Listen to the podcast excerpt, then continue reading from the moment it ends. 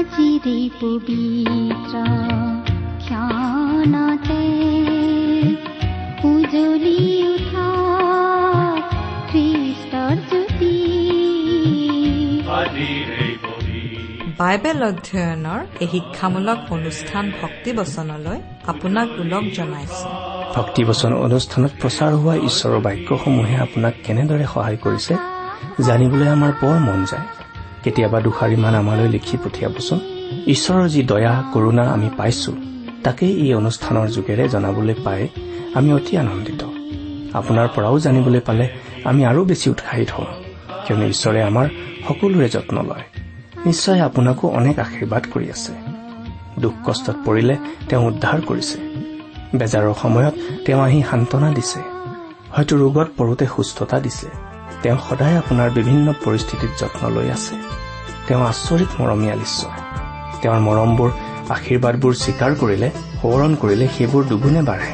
আহক আমি প্ৰতিদিনে ঈশ্বৰৰ পৰা পাই থকা আশীৰ্বাদবোৰ ইজনে আনজনৰ লগত প্ৰকাশ কৰো। এই জীৱনৰে বাট মন পিছলোৱা ঘাট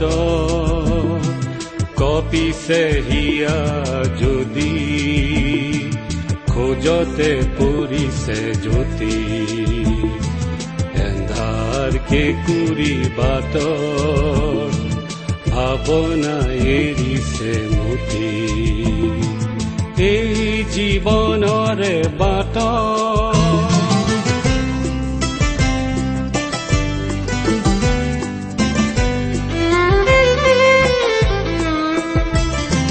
ঘাট তুমিহে যাত্ৰী খাইছা বাথুৰি ঘাটকে নিচিনি ভটিয়াই বুলিছা অপথক লোলা সাৱতী অপথক লোলা সাৱতী বাটৰ পোহৰ প্ৰভু যিছুহে তেওঁহে জীৱনৰ জ্যোতি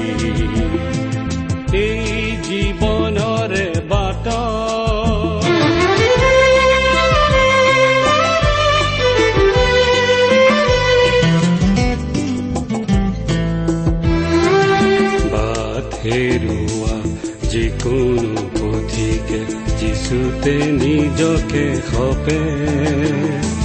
যিচুৰ বাক্যই বাট দেখুৱাই ঠিকনা ওচৰে চাপে।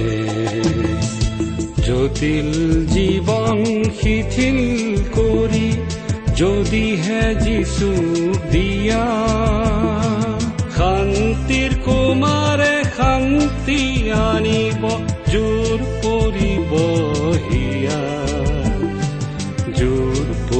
পৰিব হিয়া জনসমুদ্ৰত একাকী যাত্ৰাত যিচুহে লগৰীয়া এই জীৱনৰে বাট মন পিছলোৱা ঘাট কপিছে হিয়া যদি খোজতে পৰিছে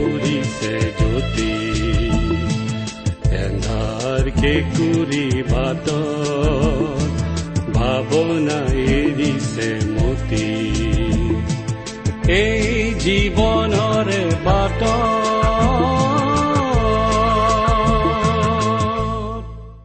পৰম পবিত্ৰ প্ৰভু যীশুখ্ৰীষ্টৰ নামত নমস্কাৰ প্ৰিয় শ্ৰোতা।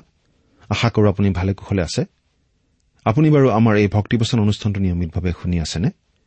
এই অনুষ্ঠান শুনি আপুনি কেনে পাইছে? আপোনাৰ মতামত আদি জনাই আমালৈ চিঠি পত্ৰ লিখিবচোন। আহকচোন আজিৰ বাইবেল অধ্যয়ন আৰম্ভ কৰাৰ আগতে খন্তেক প্ৰাৰ্থনাত মূৰ্ণত কৰো হওক। আমি প্ৰাৰ্থনা কৰো। স্বৰ্গত থকা অসীম দয়ালু কৰোণাময় পিতা আমি তোমাক ধন্যবাদ জনাইছো। কিয়নো তোমাৰ মহান বাক্য বাইবেল শাস্ত্ৰ অধ্যয়ন কৰিবলৈ তুমি আমাক এই সুযোগ প্ৰদান কৰিছা। তোমাৰ বাক্য তুমিয়েই আমাক বুজাই দিয়া। তোমাৰ স্পষ্ট মাত আমাক শুনিবলৈ দিয়া।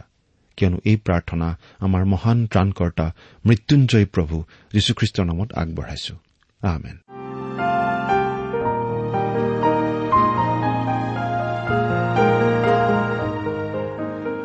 প্ৰিয় শ্ৰোতা আপুনি যদি আমাৰ এই ভক্তিবচন অনুষ্ঠানটো শুনি আছে তেনেহলে এই কথা আপোনাৰ নিশ্চয় মনত আছে যে আমি আজি কিছুদিনৰ পৰা বাইবেলৰ নতুন নিয়ম খণ্ডৰ ফিলিপিয়াবিলাকৰ প্ৰতি পত্ৰ নামৰ পুস্তকখন অধ্যয়ন কৰি আছো। নহয় জানো?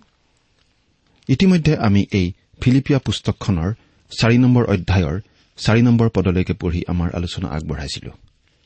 গতিকে আজি আমি এই ফিলিপিয়া পুস্তকৰ চাৰি নম্বৰ অধ্যায়ৰ পাঁচ নম্বৰ পদৰ পৰা আমাৰ আলোচনা আৰম্ভ কৰিব খুজিছো। আমি বাইবেলৰ পৰা পাঠ কৰি যাম।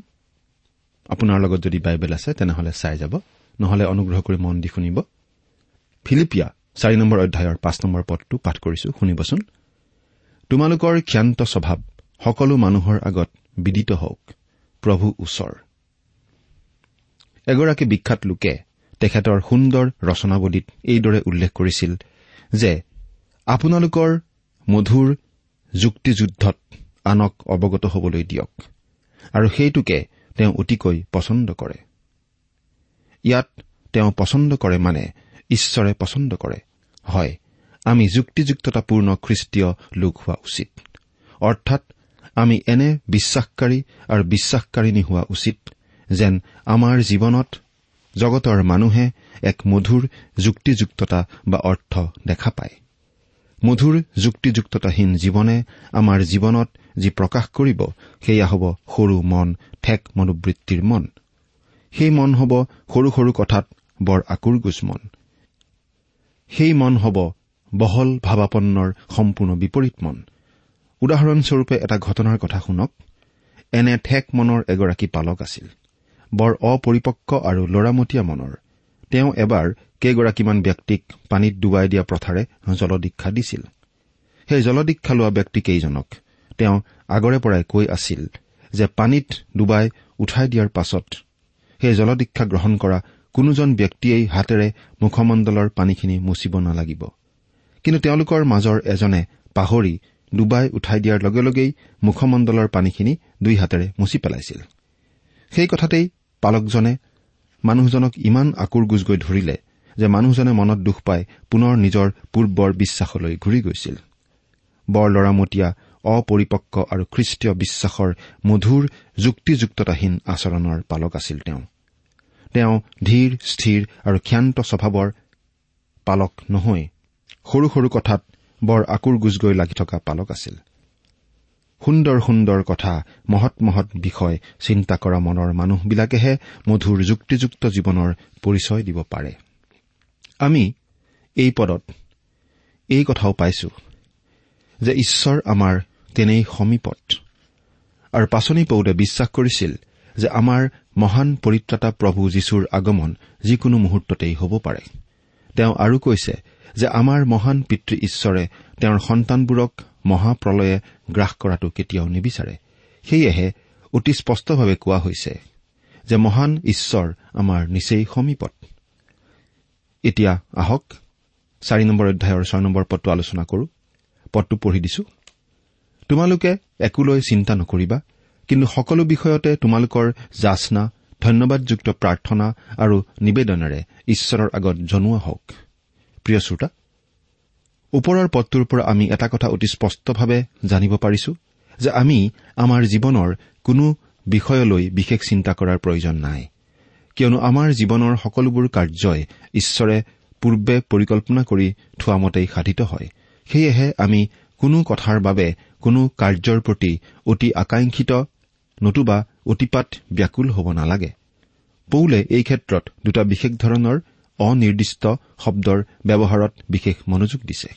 আৰু এই শব্দ দুটা হৈছে যিকোনো বিষয়ৰ প্ৰতি উদাসীনতা প্ৰকাশ কৰা আৰু আনটো হৈছে প্ৰতিবিধ বস্তুৰ ওপৰত গুৰুত্ব থকা। শ্ৰোতাসকল এই কথাখিনিকে আমি অলপ সৰলভাৱে কৈছো চাবচোন। আমি কোনো বস্তুৰ প্ৰতি অধিক চিন্তাক্লিষ্ট নতুবা বিষণ্ন হৈ থাকিব নালাগে। ইয়াৰ পৰিৱৰ্তে পৃথিৱীৰ সমগ্ৰ বস্তুৰ মংগলাৰ্থে পৰম পিতাৰ ওচৰত কাটৰে প্ৰাৰ্থনাত থাকিব লাগে। কিয়নো আমি আটায়ে জানো যে এই বৈচিত্ৰময় ধৰণীত প্ৰতিবন্ধকতা নিৰ্মূল কৰি মানৱৰ অন্তৰত শান্তিৰে বিজয় সাব্যস্ত কৰিব পৰা একমাত্ৰ উত্তম আৰু আমোঘ অস্ত্ৰ বা শক্তি হৈছে পৰম পিতা ত্ৰাণকৰ্তা প্ৰভুৰ ওচৰত ৰখা আমাৰ প্ৰাৰ্থনা। প্ৰিয় শ্ৰোতাসকল আমি ইতিমধ্যে পাই অহা একোৰে প্ৰতি বিষণ্ন নহবা বুলি কোৱা পদটোকে। এই অধ্যায়ৰে চাৰি নম্বৰ পদত ঈশ্বৰে আমাক এনেধৰণে আদেশ দিয়া যেন দেখা যায় যে তোমালোকে উৎফুল্লিত হোৱা। অৰ্থাৎ আমি সকলো সময়তে পৰিত্ৰতা প্ৰভুৰ মহান নামৰ যত্ন কৰি আনন্দ প্ৰকাশ কৰিব লাগে। মুহূৰ্তে মুহূৰ্তে কৰা প্ৰভুৰ সোঁৱৰণে আমাৰ বিষণ্ন চিত্তক আনন্দ দিয়ে।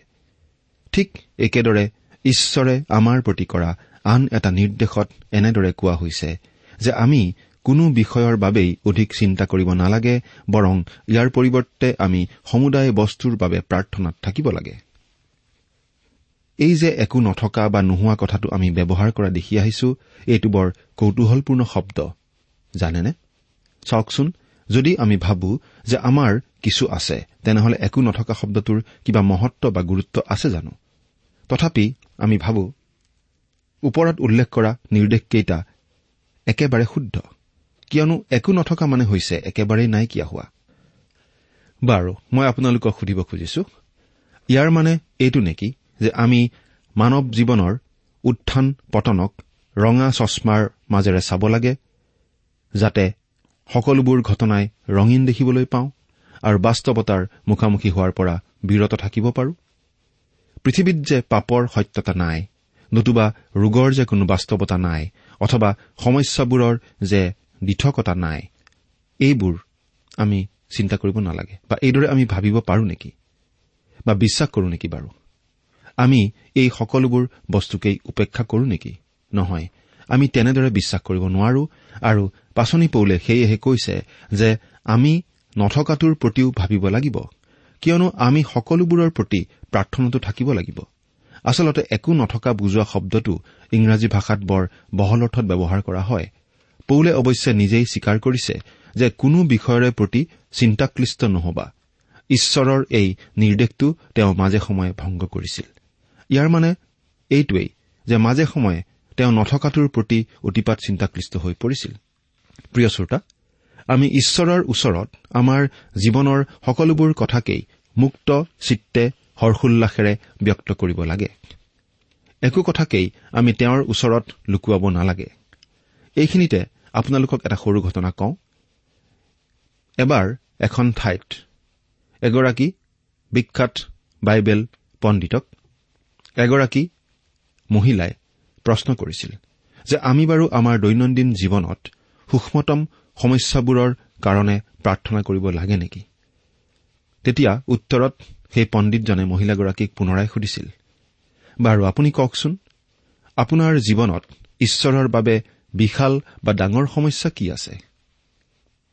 আমি কেতিয়াবা কওঁ যে ঈশ্বৰৰ ওচৰত এক জটিল বা গভীৰ সমস্যালৈ আহিছো।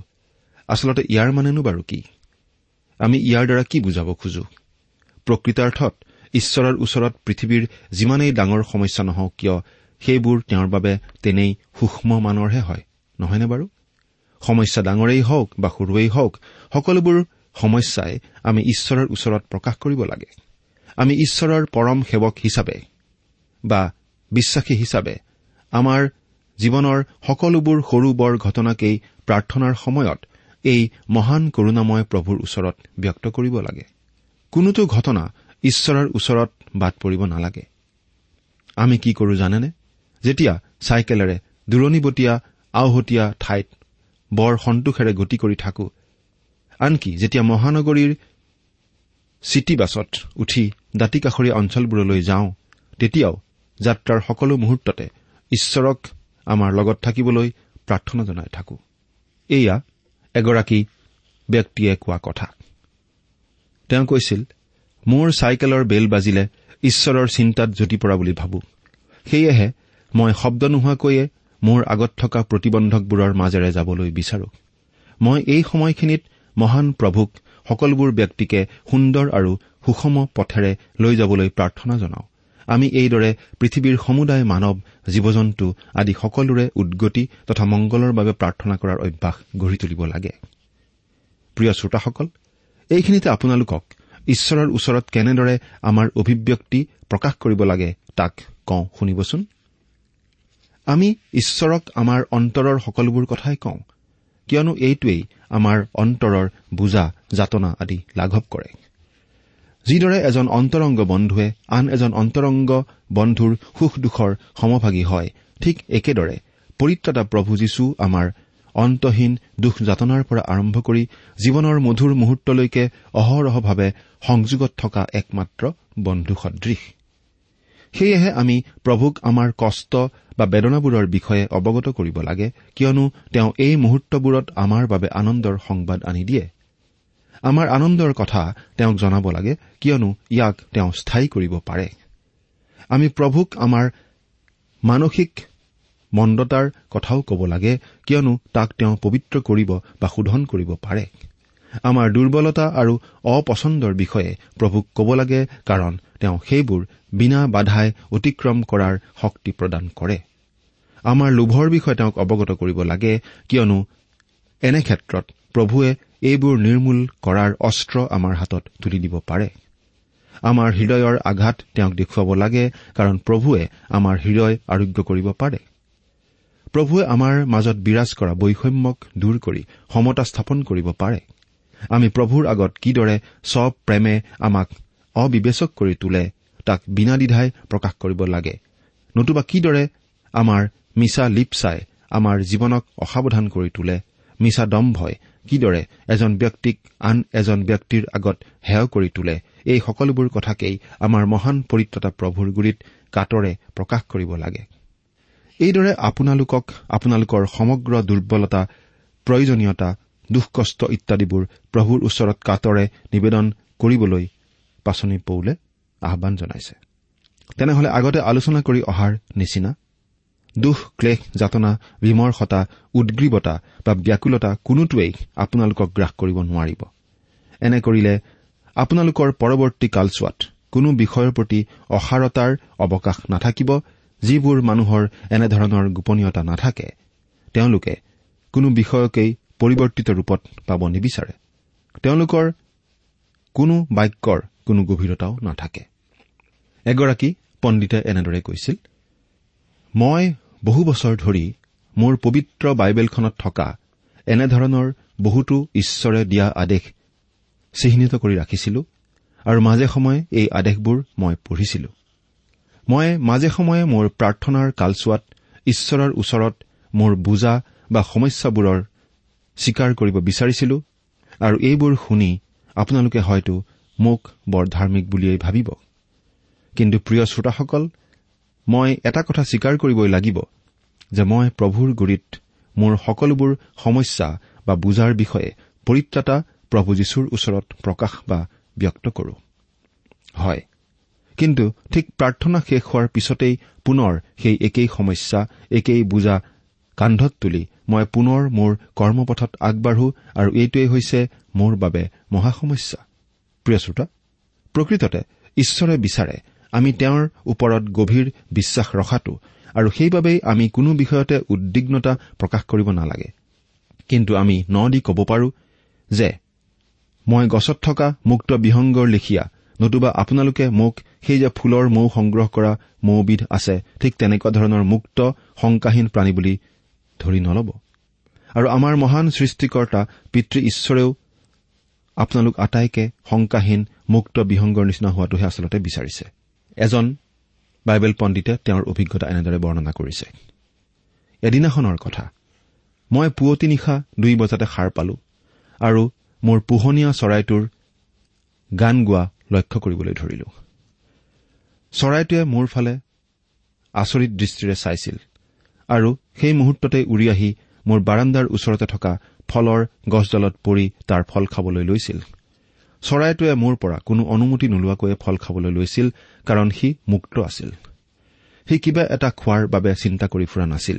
সি বিশ্বাস কৰিছিল যে সেই ফলৰ গছডাল সি খাবৰ বাবেই তাত আছিল। এতিয়া প্ৰিয় শ্ৰোতাসকল আমি বাৰু ঈশ্বৰক এনেদৰে বিশ্বাসত লওঁনে? সেয়েহে আমি পুনৰাই কৈছো আমি অন্য বস্তুৰ কথা নাভাবি। সকলোবোৰ বস্তুৰ বাবে ঈশ্বৰৰ ওচৰত প্ৰাৰ্থনা জনোৱাহে উচিত। আপোনালোকে ধন্যবাদসূচক বাক্যৰ আৰম্ভণিৰে ঈশ্বৰৰ ওচৰত আপোনালোকৰ অনুৰোধবোৰ নিবেদন কৰক। পৌলে কেতিয়াও প্ৰাৰ্থনাৰ জৰিয়তে অকল দুৰ্বল মুহূৰ্তবোৰেই অতিক্ৰম কৰিব বিচৰা নাছিল। তেওঁ প্ৰাৰ্থনাক খাল বা নলা পাৰ হবলৈ বা অন্ধকাৰৰ মুহূৰ্তবোৰ পাৰ হবলৈ চেষ্টা কৰাৰ নিচিনা ভবা নাছিল। তেওঁ প্ৰাৰ্থনাক সম্পূৰ্ণ অন্তঃকৰণেৰে জীৱনৰ ভেটি হিচাপে গণ্য কৰিছিল। আৰু এই বিষয়ে অতি স্পষ্টভাৱে ৰুমিয়া দহ নম্বৰ অধ্যায়ৰ সোতৰ নম্বৰ পদত এইদৰে পাওঁ। এতেকে শ্ৰৱণৰ দ্বাৰাই বিশ্বাস আৰু খ্ৰীষ্টৰ বাক্যৰ দ্বাৰাহে শ্ৰৱণ হয়। এতেকে আমি এটা কথা মনত ৰাখিব লাগিব যে আমাৰ বিশ্বাসৰ ওপৰত প্ৰাৰ্থনাৰ সুফল নিৰ্ভৰ কৰে আৰু একেদৰে ঈশ্বৰৰ মহান বচনৰ ওপৰত আমাৰ বিশ্বাস নিৰ্ভৰ কৰে। সেয়েহে পৌলে কৈছে যে যেতিয়া আপোনালোকে ঈশ্বৰৰ ওচৰত প্ৰাৰ্থনা বা অনুৰোধ ৰাখে ঠিক সেই ঠাইতে সেই মুহূৰ্ততে ঈশ্বৰক আপোনালোকৰ ধন্যবাদ জ্ঞাপন কৰক। অৱশ্যে আমি জানো কিছুমান নিৰ্দেশকে আপোনালোকক এইদৰেও ক'ব পাৰে যে যেতিয়া আপোনালোকে আপোনালোকৰ প্ৰাৰ্থনাৰ প্ৰত্যুত্তৰ পায় তেতিয়াহে ধন্যবাদ জনাব। চাওক পৌলে কিন্তু আমাক এনেদৰে নিৰ্দেশ দিয়া নাই। পৌলে এইবোৰৰ বিষয়ে সাৱলীল ভাষাত প্ৰকাশ কৰাত অতি নিপুণ তথা দক্ষ আছিল আৰু তেওঁৰ নিচিনা দক্ষ বোধ হয় পৃথিৱীত দ্বিতীয়জন নাছিল। তেওঁ ক'ব বিচাৰিছিল আৰু তেওঁ এই কথা স্পষ্টকৈ প্ৰকাশ কৰিছে যে আমি ঈশ্বৰক ধন্যবাদ জনাব লাগে। প্ৰাৰ্থনা শুনাৰ বাবে আৰু প্ৰত্যুত্তৰ দিয়াৰ আগতেই। খ্ৰীষ্টীয় ভাই ভনীসকল আমি কেতিয়াও নাভাবো যে আপোনালোকৰ তেনেকুৱা ধৰণৰ ঈশ্বৰৰ পৰা প্ৰত্যুত্তৰ নোপোৱা প্ৰাৰ্থনা আছে। এইখিনিতে আমি এটা সৰু উদাহৰণ ল'ব খুজিছো। এগৰাকী ব্যক্তিৰ জীৱনৰ এটা উদাহৰণ। তেওঁ এনেদৰে কৈছিল মোৰ পিতৃ এজন সৰু ব্যৱসায়ীৰ নিচিনা আছিল। তেওঁ মোক বৰ মৰম কৰিছিল। যেতিয়া মই সৰু আছিলো প্ৰায়েই কিবা কিবি বস্তু খুজি আমনি দিছিলো আৰু তেওঁ প্ৰায়েই মোৰ আপত্তি আবেদন নামঞ্জুৰ কৰিছিল। এবাৰ মই তেওঁক চাইকেল এখনৰ কথা কৈছিলো আৰু কথা শুনা মাত্ৰকেই তেওঁ তপৰাই সম্ভৱ নহয় বুলি উত্তৰ দিছিল। ইয়াৰ অৰ্থ এইটোৱেই আছিল যে তেওঁ মোক সেই চাইকেল কিনি দিব নোৱাৰে। দেউতাৰ এই কথাষাৰ মোৰ বাবে আছিল বৰ গুৰুত্বপূৰ্ণ।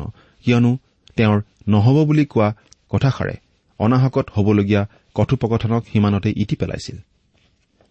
আজিকালি মই এটা কথাত বৰ আচৰিত হওঁ যে কোনো পিতৃয়ে যেতিয়া তেওঁৰ ডেকা ল'ৰাজনক কোনো এটা সিদ্ধান্তৰ বিষয়ে অৱগত কৰে ঠিক তেনেতে সেই ল'ৰাজনে মিছামিছি তৰ্কযুদ্ধত অৱতীৰ্ণ হয়। মোৰ আকৌ কথাটো একেবাৰে ওলোটা আছিল। মোক যেতিয়া দেউতাই নহ'ব বুলি সিদ্ধান্ত শুনাইছিল ঠিক সেই মুহূৰ্ততে মোৰ আবেদনৰো সময়সীমাৰ অন্ত পৰিছিল। মই এতিয়াহে উপলব্ধি কৰিছো যে মোৰ প্ৰায়বোৰ অনুৰোধৰেই দেউতাই দিয়া সেই মহান উত্তৰটো আছিল নহ'ব।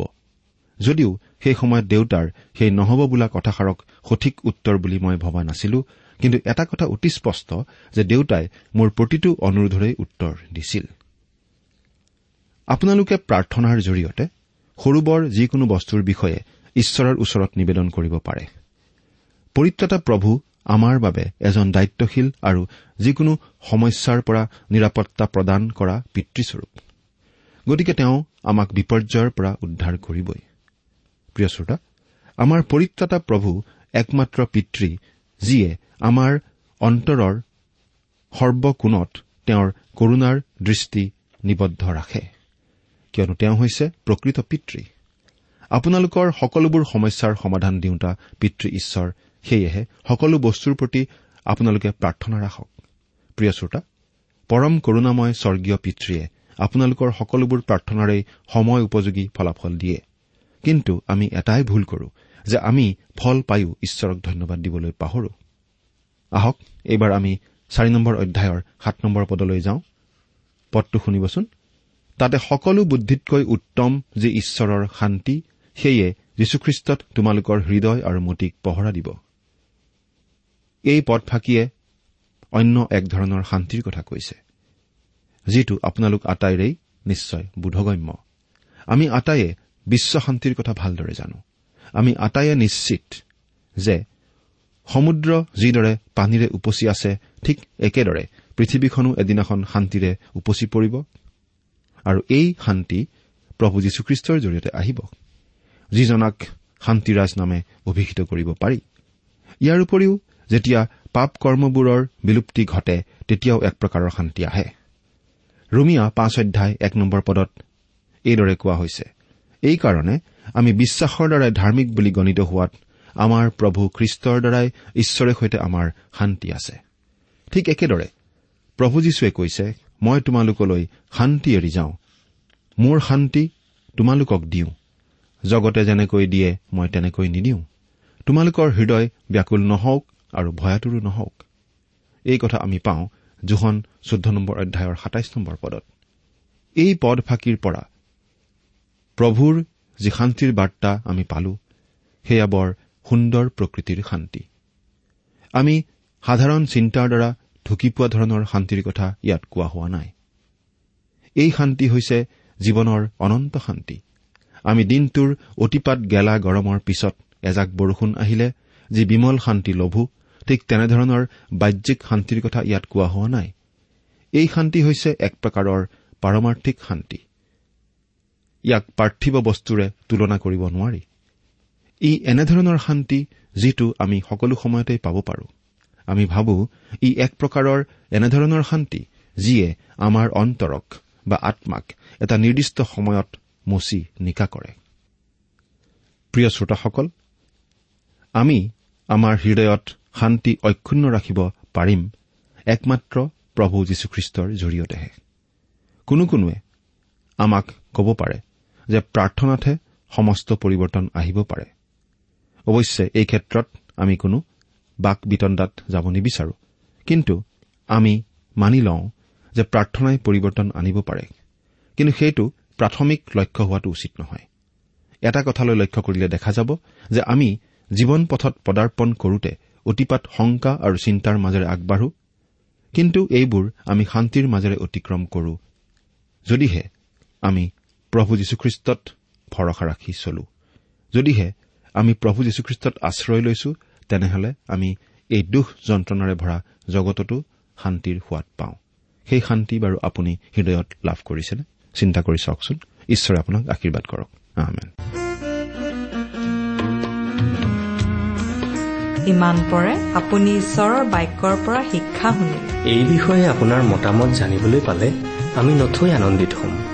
আমি প্ৰস্তুত কৰা বাইবেল অধ্যয়নৰ চিডিসমূহ পাব বিচাৰিলে আৰু অনুষ্ঠানত প্ৰচাৰ কৰা কোনো কথা বুজিব লগা থাকিলেও আমালৈ লিখক। আমাৰ যোগাযোগৰ ঠিকনা ভক্তিবচন ট্ৰান্সৱৰ্ল্ড ৰেডিঅ' ইণ্ডিয়া ডাক বাকচ নম্বৰ সাত শূন্য গুৱাহাটী সাত আঠ এক শূন্য শূন্য এক।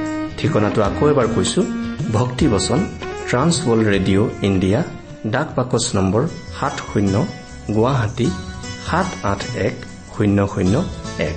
আমাৰ ইমেইল এড্ৰেছটো হৈছে Assamese T TV at the rate radio' eight eight two dot com আমাৰ website W W W dot T W R dot in কিয় তুমি ইমান ভোকৰাটো